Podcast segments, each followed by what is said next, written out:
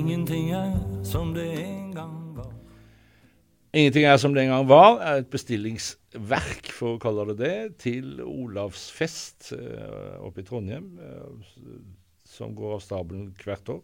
Som er en sånn kirkefestuke, kirke- og kulturfestuke, som eh, har vært på en del ganger og, og syns er veldig gøy. Altså Der er det så mange ting som jeg syns er utfordrende og gøyalt, og et, et veldig bredt spekter av tema som tas opp og, på en uredd måte. Så, så det er en, en, festival jeg setter pris på. Og da ble jeg spurt om å skrive en salme til, eh, i, til, til Olavsfest i 2019. Og temaet skulle være forvandling.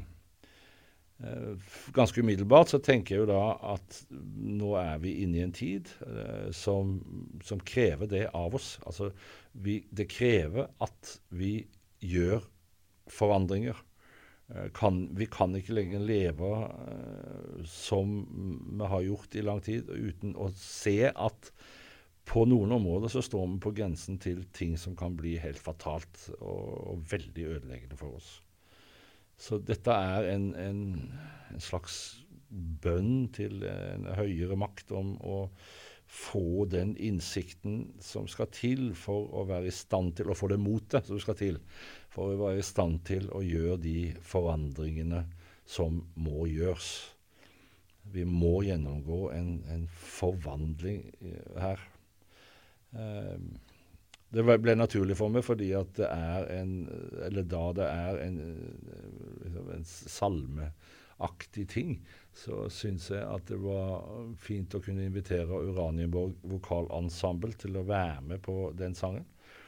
Uranienborg kirke er min kirke i Oslo, og jeg er veldig glad i det musikalske der. Eh, og Uranienborg vokalensemble er en bidragsyter til å gjøre messene i den kirka til en fantastisk opplevelse.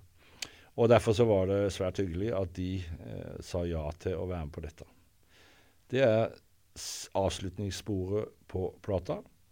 Eh, det er ikke muntert, men det er et lite håp der. Ta oss med til et sted der håpet rår.